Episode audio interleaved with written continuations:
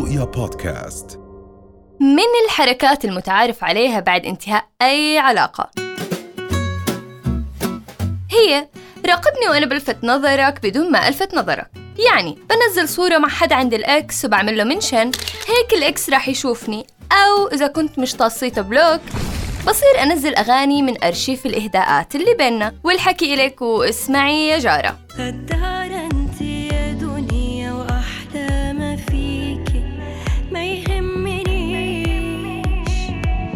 الحكي طبيعي بس اللي مو طبيعي هو قصة كتابنا اليوم.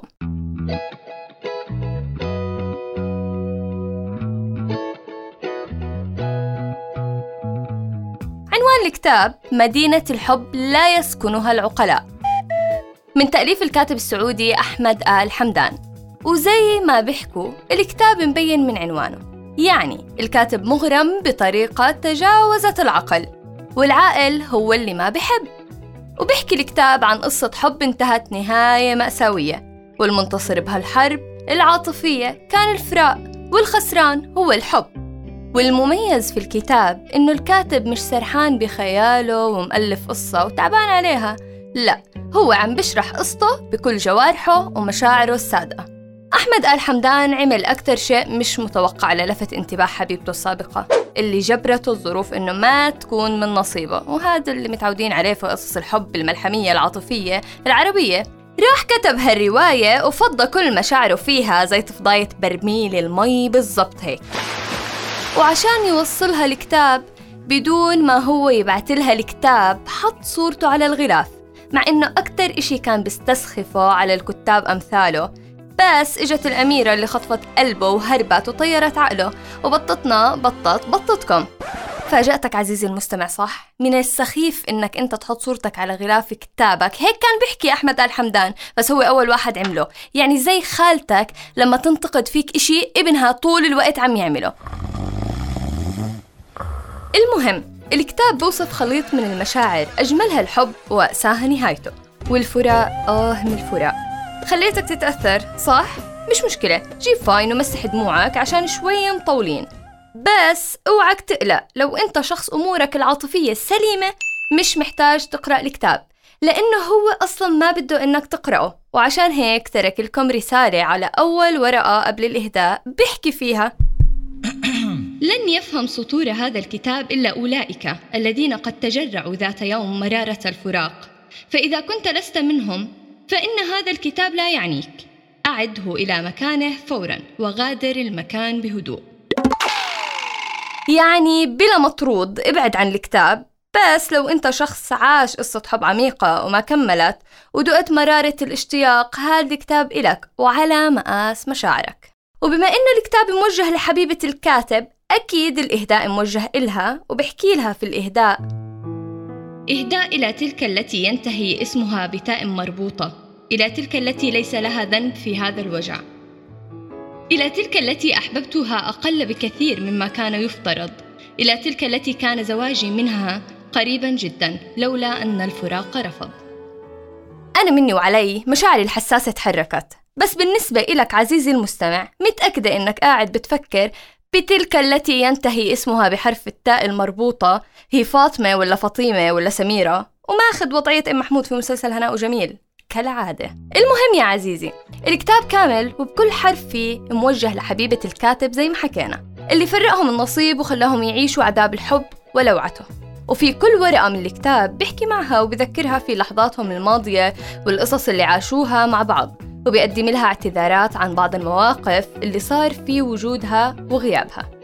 بيعاتبها وبلومها وزي ما حكت المرحومة. لولا الملامة يا هوى لولا الملامة يعني حرب مشاعر أهلية لا منهجية لا منطقية تخطت حدود السيطرة العقلية. قنبلة مشاعر مجروحة وانفجرت.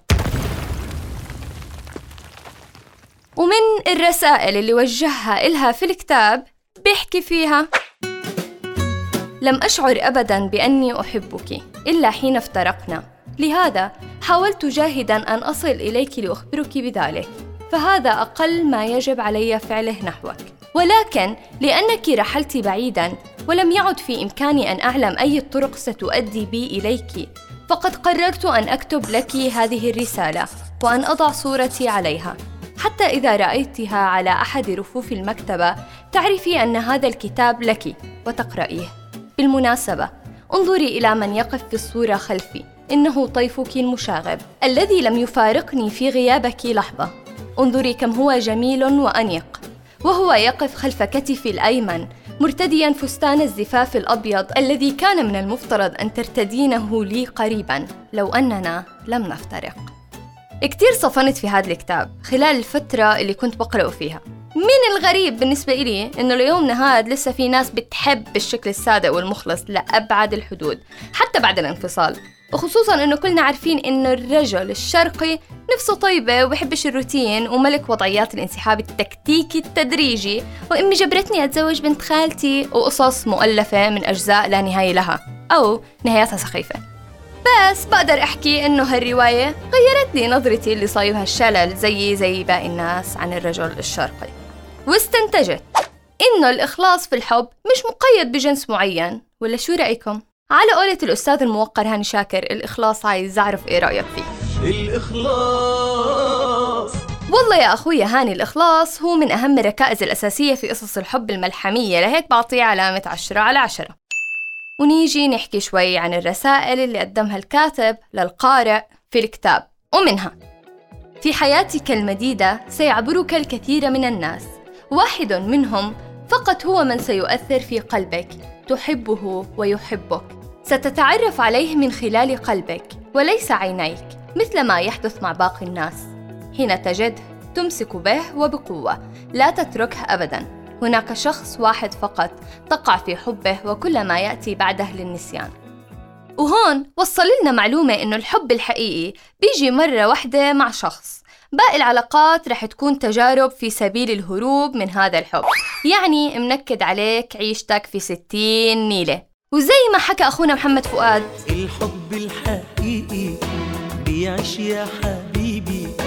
الحب الحقيقي والكاتب الشرقي وصف لنا الرجال الشرقيين ببعض الكلمات اللي عمري ما سمعت أصدق منها وهي تجدين أبأس الفتيات هي الفتاة التي تحب رجلا شرقيا فهم زيادة على ذلك يغيبون فجأة ويرحلون من غير أن يستأذنوا ويعودون متى ما أغلقت الحياة أبوابها في وجوههم ويرون دائما أنهم على حق وأن الدنيا وجدت لهم وحدهم وأن الأرض لا تستقيم من دونهم. أتفق مع الكاتب على كل كلمة حكاها في حق الرجال أمثاله.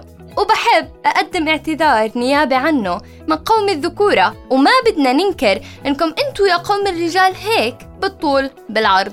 أنتوا هيك.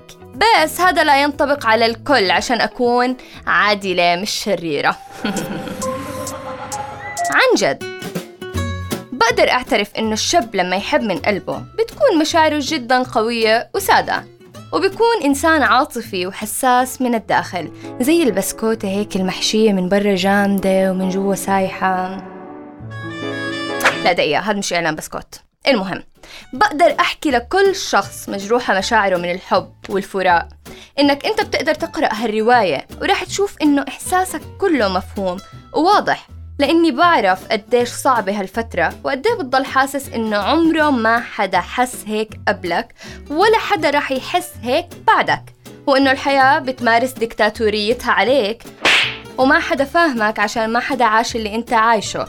بس العكس تماما الحياة على قد ما فيها حب فيها وجع. سمعني شوية موسيقى حزينة. طيب يلا نرجع لشوية فرح. أيوة هيك تماما. مبروك علينا. انفصام المشاعر. وبحب أختم معكم بآخر مقولة في الكتاب واللي بتقول ولن أنساك وسأحبك بكل حواسي وأحملك في قلبي دائما وستبقين رفيقة الروح إلى الأبد. وسلامتكم.